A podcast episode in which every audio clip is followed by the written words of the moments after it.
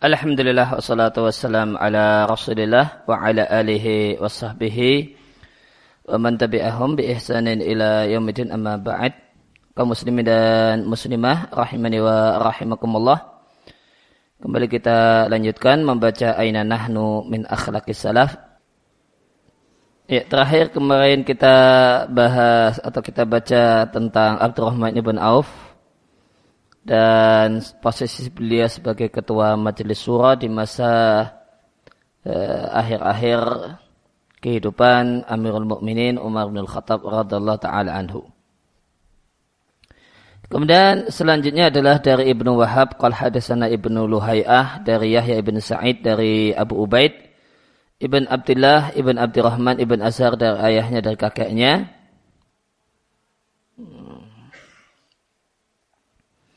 Anak Uthman bahasanya satu ketika Utsman istaka sakit jatuh sakit ru'afan berupa keluar darah dari hidung sejenis mimisan. Fada'a Humrana lalu kemudian beliau memanggil budaknya yang namanya Humran. Kemudian beliau mengatakan catatlah untuk Abdurrahman yaitu Abdurrahman ibn Azhar ya. Al-ahda min ba'di catatkan untuknya wasiat.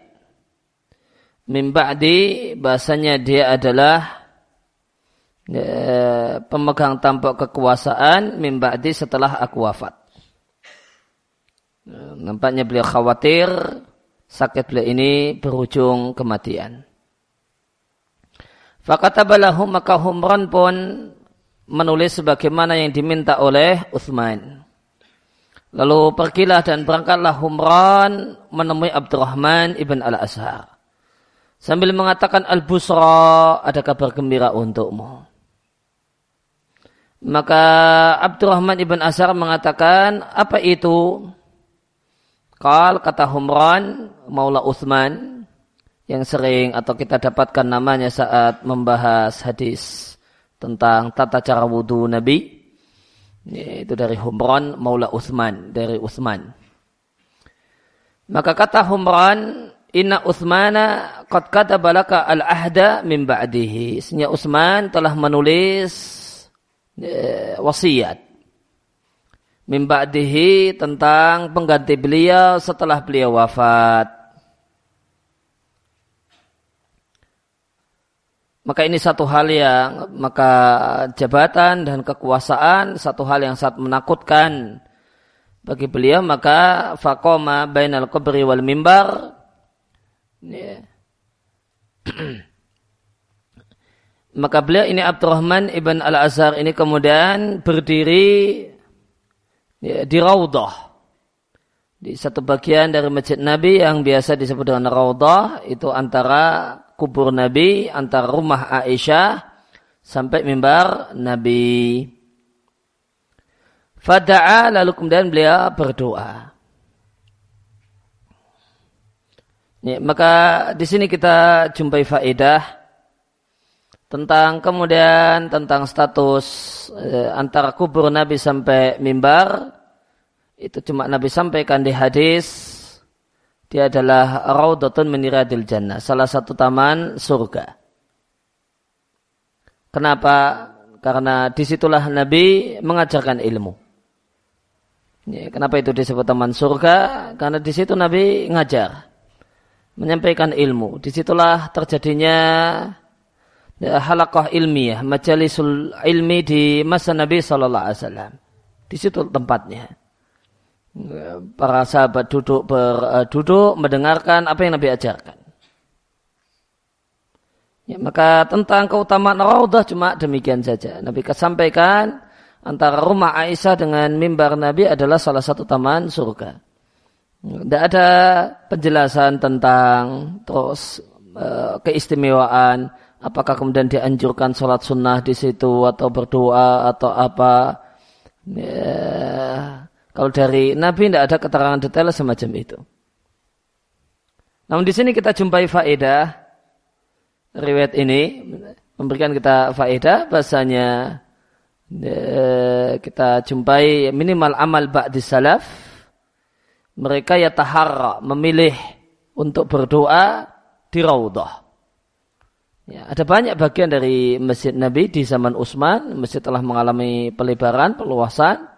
Ada banyak bagian dari masjid, namun kita lihat di sini beliau bersengaja ya, ya tahara. Ya, beliau melakukan tahari, bersengaja memilih Raudhah untuk sebagai tempat berdoa. Ya, maka ini bisa jadi minimal istiqnas ya, minimal penguat untuk apa yang jadi image para jamaah umrah, para jamaah haji. Bahasanya satu hal yang baik berdoa di Raudhah. Hmm. Dari Nabi tidak ada keterangan demikian, cuma mengatakan itu taman surga. Terus apa kemudian taman surga manfaatnya? Apa manfaat bagi kita berada di taman surga? Tidak ada uraian yang lebih detail, namun kita li kita lihat di sini Bahasanya beliau ya, secara sengaja ya, secara sengaja memilih bersengaja memilih raudhah sebagai tempat untuk berdoa. Maka setelah beliau berada di antara kubur dan mimbar yaitu raudhah fada'a beliau berdoa dengan mengatakan Allahumma inkana min tauliyati Uthman iya ya hadzal amra Ya Allah jika memang Utsman mengangkatku hadal amra untuk untuk masalah ini yaitu khilafah. Mau kemudian menjadikanku sebagai khalifah pengganti beliau fa'amitni kebelahu maka matikanlah aku sebelum matinya Utsman ya, maka wafatkanlah aku sebelum wafatnya Utsman falayam kus illa sittata asur hatta qabidahullah. Maka tidaklah beliau hidup kecuali cuma enam bulan setelah doa tersebut ya, dan Allah Subhanahu wa taala mewafatkannya. Ya, maka di sini kita jumpai ada doa minta untuk disegerakan mati. Ya, maka komentar kita untuk riat ini sebagaimana eh, di pertemuan yang lewat ya, bahasanya hal ini tidaklah bertentangan dengan hadis janganlah kalian ya, berangan-angan untuk cepat mati lidurin asabahu karena kesusahan yang menimpanya ya.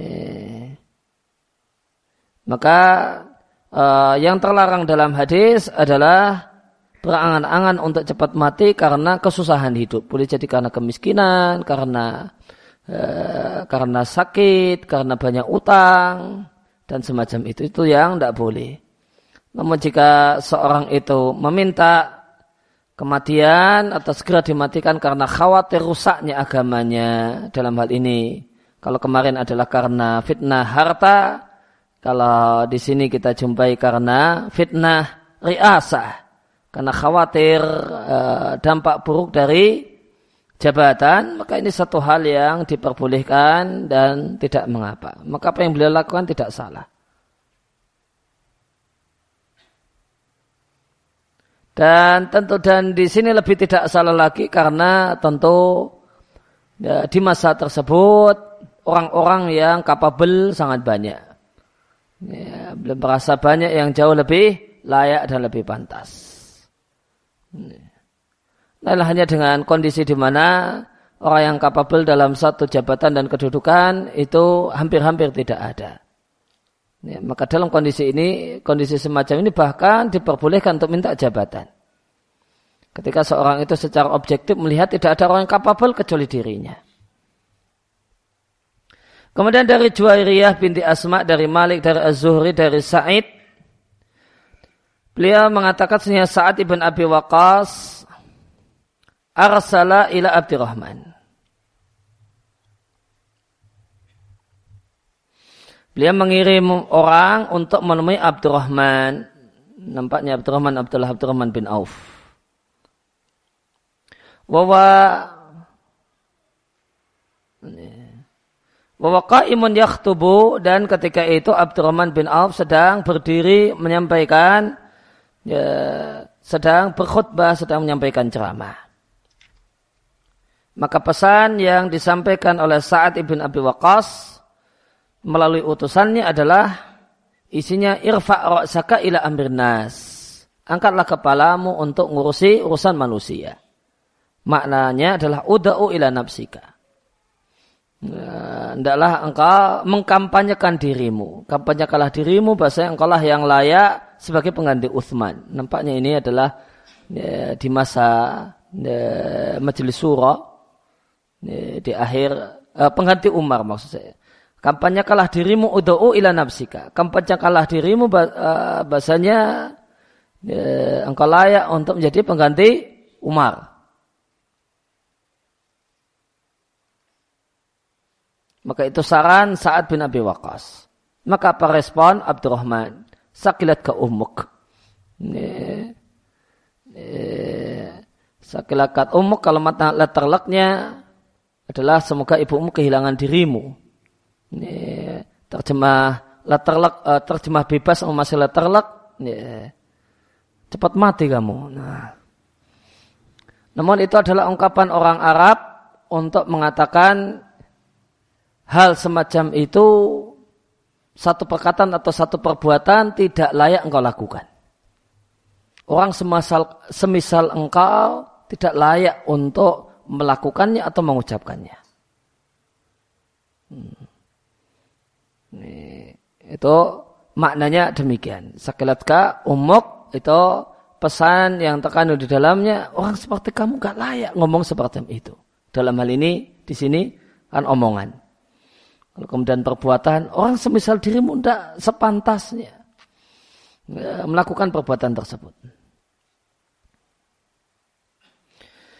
Uh, Abdurrahman mengatakan, Innahu la yaliya tidaklah menjabat hadal amro jabatan ini yaitu khilafah ahadun ba'da Umar satupun orang setelah meninggalnya Umar ila lamahunas kecuali banyak orang yang mencelanya. Ya, kecuali banyak suara-suara sumbang berkenaan dengan jabatannya. Dan benar apa yang dikatakan Abdurrahman. Hmm. Maka manusia yang paling mulia uh, saat tersebut setelah wafatnya Umar adalah Uthman sebagaimana akidah al-sunnah nah, namun ya, kita lihat ya, ya, sebagian orang ya, komentar negatif dengan kepemimpinan Utsman. Demikian juga setelahnya dan setelahnya. Hmm.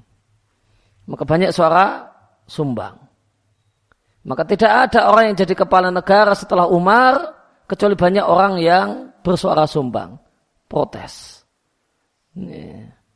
Dan benar apa yang beliau katakan. Demikianlah keadaan para kepala negara sampai hari ini. Ya. Siapa pun presidennya itu uh, orang protes. Ya. Siapa pun presidennya, siapa pun kepala negaranya. Karena kata Abdurrahman, tidak ada satupun orang yang menjabat sebagai kepala negara setelah Umar kecuali diprotes oleh orang. Nih, kalau kemudian dia sibuk ngurusi protesnya orang, nggak nggak jadi kerja. Jadinya masih sibuk bantah. Nih, melakukan klarifikasi, malah nggak kerja kerja. Wakala Zahabi, Zahabi mengomentari hal ini. Dan di antara amalnya Abdurrahman bin Auf yang paling mulia adalah dia menurunkan dirinya minal amri dari peluang untuk jadi khalifah waktu surah di masa majelis surah. Waktu kemudian dia memilih lil ummah sebagai kepala negara untuk umat Islam ketika itu man asara bihi orang yang diusulkan oleh alul hal wal aqdi. Fanahadha fi lalu kemudian bangkitlah Abdurrahman dalam hal ini ataman nuhud maka beliau kemudian bersungguh-sungguh ya, berjuang memperjuangkan hal ini memperjuangkan untuk memperjuangkan ala jam'il ummah ala Uthman. Untuk supaya menyatukan umat agar sepakat dengan Uthman. Dan seandainya karena muhabian fiha. seandainya Abdurrahman itu punya minat terhadap jabatan khalifah, la akhadaha li nafsihi. Niscaya beliau akan ambil untuk dirinya sendiri. Au lawallaha ibn ammihi atau jabatan tersebut akan beliau berikan pada anak pamannya dan orang yang jamaah jamaah di sini kelompok orang ini kelompok ahli surah yang paling dekat dengan nasabnya dengan beliau yaitu Sa'ad bin Abi Waqqas. Namun tidak beliau kemudian eh, tindakan Abdurrahman bin Auf ya, ya, saya uh, saya tidak mau dipilih. Saya tegaskan saya tidak mau dipilih. Beliau nah, lengserkan diri beliau dari beliau tegaskan kalau beliau tidak ngambil jabatan tersebut. Hmm. Dan beliau kemudian berusaha agar semuanya sepakat menerima Utsman. Itu kata Zahabi adalah amal termasuk amal yang paling utama yang dilakukan oleh Abdurrahman ibn Auf radhiallahu taala anhu. Seandainya beliau punya minat, ya, punya hasrat untuk jadi kepala negara, beliau bisa mengangkat dirinya. Ya, karena beliau ketua majelis surah. Ya, beliau ketua majelis surah. Dan jelas beliau didukung anak pamannya sendiri saat bin Abi Waqqas. Tinggal kemudian cari masa yang lain ya, Ya, berarti sudah ada dua, nah, tinggal cari dua lagi. Ya. Ya, beliau mengangkat dirinya sendiri saat beliau Waqqas jelas setuju. Sebagaimana ya, di sini yang tadi kita, riwayat yang kita baca. Dah dapat dua suara. Nah, kata anggota majelis ada enam. Ya. Tinggal cari dua lagi. Kasak kusuk, ya. lobby-lobby. Ya. Cari dua lagi. Ya maka mungkin satu hal yang sangat mungkin uh, dilakukan oleh Abdurrahman bin Auf jika beliau mau. Itu tidak beliau lakukan. Kemudian dari Abdurrahman, dari Ahmad ibn Abdurrahman ibn Wahab, kal hadasana Ami, kal hadasani Abdullah ibn Ayash dari ayahnya, yaitu Ayash. Ana Yazid ibn Muhallab bahasanya seorang bernama Yazid ibn Muhalab tatkala beliau menjabat sebagai gubernur Khurasan. Ya. Gubernur Khurasan, Khurasan itu Afgan, ya, kemudian ya, Pakistan dan sekitar sana. Ya, ketika beliau menjabat sebagai Khurasan, namun Khurasan itu tidak sampai India.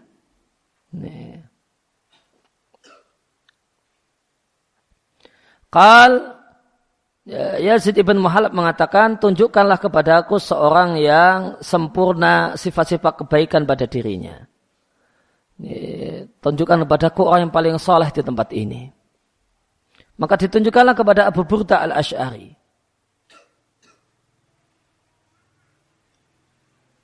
Falamma ja'a maka tatkala datanglah orang tersebut Abu Burdah.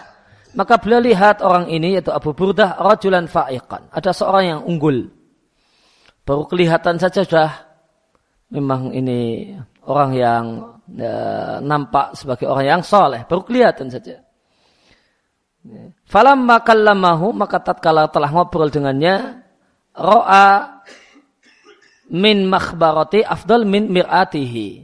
Maka beliau melihat dan mengetahui bahasanya realita orang tersebut lebih baik daripada apa yang dia lihat. Mikhbarah di sini maknanya hakikat. Hakikat orang tersebut ternyata lebih dari apa yang dia bayangkan dari apa yang dia lihat. Ketika dia orang yang datang dia lihat, dia sudah punya kesan yang luar biasa. Setelah ngobrol, ternyata lebih dari apa yang dia bayangkan. Nah, orang ini lebih masya Allah daripada apa yang dia bayangkan sebelumnya.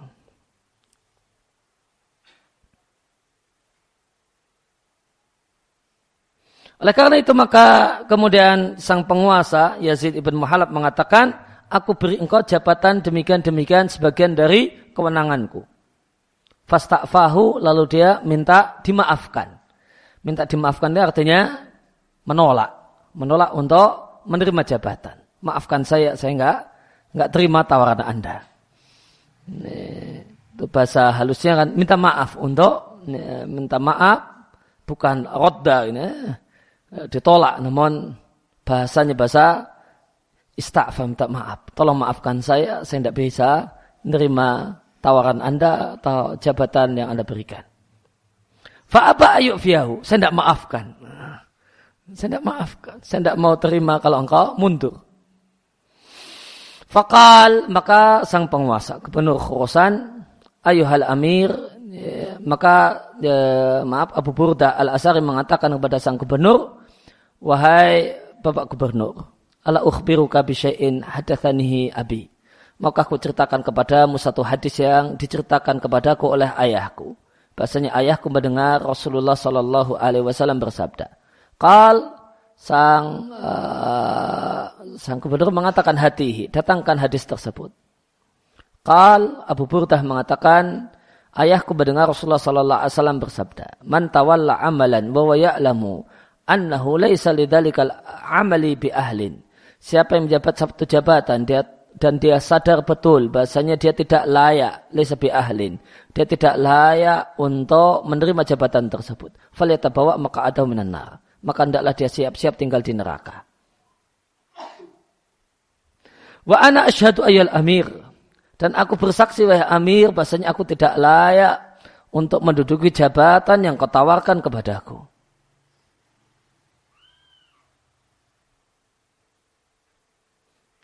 Fakal maka komentar sang gubernur mazitta ala an haratana ala nafsika. Ya, dengan hadis yang kau bawa maka engkau tidaklah menambahi kecuali mendorong aku ya, untuk memberikan jabatan kepadamu. Harotta artinya mendorong, memotivasi. Harotana itu semalah semakin memotivasi saya. Karena nggak mau dikasih jabatan, itulah orang yang layak diberi jabatan. Nah, maka tidaklah yang kau sampaikan kecuali mem tambah memotivasi saya ala nafsika. Untuk memberikan jabatan pada dirimu. Wa tanah fika. Dan itu semakin membuat aku suka denganmu. Oleh karena itu, fakhud ila ahdika. Maka berangkat sana uh, menuju jabatanmu. Fa ini ghairu mu'fika, aku tidak maafkan dirimu. Nah. Akhirnya fakharaja maka beliau keluar dari ya, rumah sang gubernur summa aqama fihi masa Allah ayukima. Ini nampaknya uh, artinya dia diangkat dari semacam jadi bupati. Ya, boleh. Tapi bupati ketika itu boleh jadi ngurusi Afgan eh, satu negara. Nah, itu bupati. Ya. Suma akoma fihim kemudian dia kemudian tinggal di tengah-tengah mereka yaitu satu wilayah yang diberikan oleh ya, wilayah yang diberikan oleh gubernur masa Allah ayukima dalam sejumlah uh, selama beberapa waktu lamanya. Hmm. Fasta'dana fil kudum alaihi. Setelah kemudian beberapa tahun lamanya atau beberapa waktu lamanya, kemudian dia minta izin untuk sowan Pak Gubernur. Kemudian diizinkan. Fakal. Lalu kemudian uh, Abu Burtah mengatakan, wahai Bapak Gubernur, ala suka bisyai'in hadatsanihi abi. Maka aku uh, sampaikan kepadamu satu hadis yang itu diceritakan kepadaku oleh ayahku sendiri. Beliau mendengarnya langsung dari Rasulullah sallallahu alaihi wasallam. Kal beliau mengatakan kal Rasulullah sallallahu alaihi wasallam bersabda, "Mal'unun man sa'ala biwajhillah." Sungguh terlaknat orang yang meminta sesuatu dengan menggunakan wajah Allah. Wal mal'unun dan orang yang dan terlaknat orang yang dimintai sesuatu dengan wajah Allah kemudian dia menolak permintaan si peminta. Malam yas'al hujuran selama dia tidak meminta dosa. Nah, setelah aku sampaikan hadis di atas maka aku meminta kepadamu dengan wajah Allah.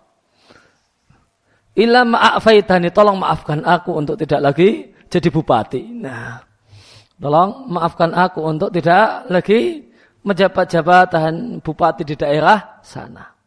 Hmm. maafkanlah aku ayol amir wa bapak gubernur min amalika untuk kemudian tidak ya, menjabat sebagian dari apa yang menjadi ya, kekuasaanmu. Akhirnya karena sudah ditakut-takuti dulu, karena sudah diancam terlebih dahulu, terlaknat orang yang dimintai sesuatu dengan wajah Allah, kemudian tidak menuruti kecuali permintaannya dosa, tidak berani, takut laknat. Akhirnya fa'afahu, ya sudah dimaafkan. Ya. Ah, demikian usaha jerih payah beliau untuk supaya lolos dari uh, dari jabatan ya, dan dari kekuasaan. Diatkan oleh Arwiyani dalam musnadnya dari Imam Ahmad. Uh, catatan kaki di uh, yang ketiga, para perawinya thiqah kecuali Abdurrahman ibn Ayash. Ya, Abu Hatim mengatakan bukanlah seorang perawi yang kokoh, dia seorang yang jujur, uh, bisa dicatat hadisnya dan uh, posisinya dekat-dekat dengan Ibnu Luhayah. Ibnu Luhayah ya, diperselisihkan kedaifannya. Namun beliau ini dinilai daif oleh Abu Dawud dan Nasai. Dan namun Imam Muslim memakainya menjadi salah satu rawi di Sahih Muslim. Namun fi syawahid la fil usul. Ya, di bagian syawahid dan bukan di bagian usul. Ya, maka di di Sahih Muslim itu ada bab. Ya, di sejumlah bab itu boleh jadi ada misalnya dua, tiga atau empat hadis. Ya, ya, maka kemudian dengan atau misalnya tiga hadis atau empat hadis yang riwayatnya semisal, isinya sama. Ya, maka riwayat yang pertama itu usul. Nah, hadis pertama di bab ya, dengan catatan isinya sama. Ya, hadis pertama itu namanya usul. Terus hadis yang kedua itu namanya syawahid. Itu statusnya syawahid. Bukan dalil pokok, itu dalil penguatnya. Dalil penguat uh, yang dibawakan oleh Imam Muslim. Dalil pokok yang jadi dasar itu ya, riwayat yang paling bagus itu beliau letakkan di yang paling tinggi. Setelah itu kemudian beliau bawakan uh, sanat yang lain kemudian beliau katakan binahwihi dengan redaksi semisal. Atau kemudian ketiga beliau katakan bimithlihi dengan redaksi yang semisal. Nah ini ini namanya syawahid. Ini namanya syawahid. Kalau yang usul yang disebutkan pokok pertama setelah bab. Ya, setelah bab dengan catatan isinya sama. Dengan catatan isinya sama. Kalau isinya berbeda nanti lain lagi. Boleh jadi ini satu bab ini ada isinya dua hadis. Nah isinya dua hadis. Hadis yang pertama anggap saja misalnya tiga. Ya, satu itu usul, dua syawahid. Hadis yang kedua ada tiga lagi atau ada empat. Satunya usul, tiga tiganya syawahid. Ya, dan syarat untuk satu hadis itu disebut uh, ala syarti muslim itu rawinya dipakai oleh imam muslim di usul bukan di syawahid kalau dipakai oleh Imam Muslim di syawahid, maka tidak bisa disebut ala syarti Muslim. Maka tidak bisa disebut ala syarti Muslim. Jadi dipakai Imam Muslim namun di syawahid, maka tidak disebut ala syarti Muslim. Yang disebut ini satu hadis yang tidak diriatkan oleh Imam Muslim, namun semua perawinya dipakai oleh Imam Muslim, kecuali satu misalnya. Dia dipakai oleh Imam Muslim, namun di di syawahid bukan di usul, maka ini nggak jadi boleh dikasih sebutan uh, diatkan uh, oleh Abu Dawud ala syarti muslimin. Nggak boleh disebut demikian. Karena dipakai oleh Imam Muslim di syawahid dan tidak di usul. Wal khobar dan hadis di atas dengan secara lengkap dibawakan oleh Ibn Asakir di tarikhnya dari jalan Arwiyani. Sedangkan hadis yang kedua, karena tadi ada dua hadis, ya, karena tadi ada dua hadis, Eh, hadis yang kedua yang malunun, hadis yang pertama tadi yang fal yatabawa maka ada minan nar, ini tadi pembahasannya. Kemudian hadis yang kedua malunun diatkan oleh Tabarani, Aidan dari hadis Abu Musa al-As'ari dinilai Hasan oleh Al-Hafidh al-Iraqi. Ya, kata Al-Hatham diatkan oleh At-Tabarani dari gurunya Yahya ibn Utsman ibn Saleh wa wathiqatun wa fihi dha'fun. Namun ada kelemahan dan para perawi yang lain perawi kitab sahih. Maka idza dumma hadas sanad maka jika sanad ini ditambahkan ke sanadnya uh, Arawiyani maka hadasa minhum makuwah, maka hadis tersebut punya nilai kekuatan artinya hasan li ghairihi. Kemudian yang terakhir dari Yusuf ibn Asbat aku mendengar Sufyan mengatakan itu azuda fi syai'in aqalla minhu fi ri'asa. Aku tidak melihat satu zuhud yang lebih sedikit pelakunya kecuali zuhud terhadap jabatan. Tara arajula satu fil mat'am wal masrab. Betapa banyak Anda jumpai ada orang yang zuhud dengan makanan dan minuman. Betapa banyak bupati atau apa gubernur bisa bersumpah. Selama kemudian rakyat saya miskin, saya nggak mau makan daging. Ya, selama rakyat saya miskin, saya nggak mau makan nasi, saya cuma mau makan ya, singkong godok saja. Artinya dia zuhud dengan mat'am dan masrob. Ya. Non besok nyalon lagi. Ya. Non besok nyalon lagi. Padahal sudah lima tahun nggak makan, ya, nggak makan nasi, cuma makan singkong godok. Namun besoknya nyalon lagi, periode kedua. Ya. Artinya dia bisa zuhud dengan makanan. Dia bisa zuhud dengan makanan. Nggak makan nasi lima tahun kuat ya ya, cuma makan singkong godok yang anyep eh, kuat. Lima tahun. Ya. Besok nyalon lagi, nah. enggak kemudian adalah udah capek, nah. terus kemudian uh, ganti makan nasi, enggak usah jadi bupati. Nah, ternyata enggak, ya. bisa zuhud terhadap makanan. Wal mal wathiab, duit dan pakaian. Namun fa fa ari asa namun jika direbut kekuasaannya hama alaiha maka dia lindungi kekuasaannya wa'ada dan dia musuhi orang yang hendak berebut jabatannya. Dan benar apa yang beliau katakan. Hmm, contohnya tadi, sebagian bupati tempat kita ada yang sampai ikra nggak mau makan nasi, mau mau singkong godok anyep ini. Ya, namun ya besok coba periode berikutnya beliau nyalon lagi kan. Artinya beliau bisa zuhud dengan makanan, namun tidak bisa zuhud dengan jabatan dan kekuasaan. Benar apa yang dikatakan oleh Sufyan rahimallahu taala. Dan perlu diketahui bahasanya riasah di sini tidak harus riasah resmiyah kedudukan dalam artian formal, maka termasuk dalam pembahasan zuhud terhadap riasa adalah kekuasaan dalam artian mulia di hati manusia, dielulukan oleh manusia. Ya. Artis itu dia memiliki riasa, nah, bukan riasa resmi, namun dia riasa dalam artian ya, kemudian hebat di hati manusia, dikagumi oleh banyak manusia itu riasa. Dan betapa banyak orang yang memburunya, mengejarnya ya, dan dia rela pontang panting susah payah makannya rekoso ininya rekoso. Demi ya, demi itu mendapatkan kemuliaan di hati manusia alias riasa. Demikian wasallallahu ala nabiyina Muhammadin wa ala alihi wasallam. Wa rada'ana alhamdulillahi rabbil alamin. Subhanaka allahumma wa bihamdika asyhadu an la ilaha illa anta astaghfiruka wa atubu ilaik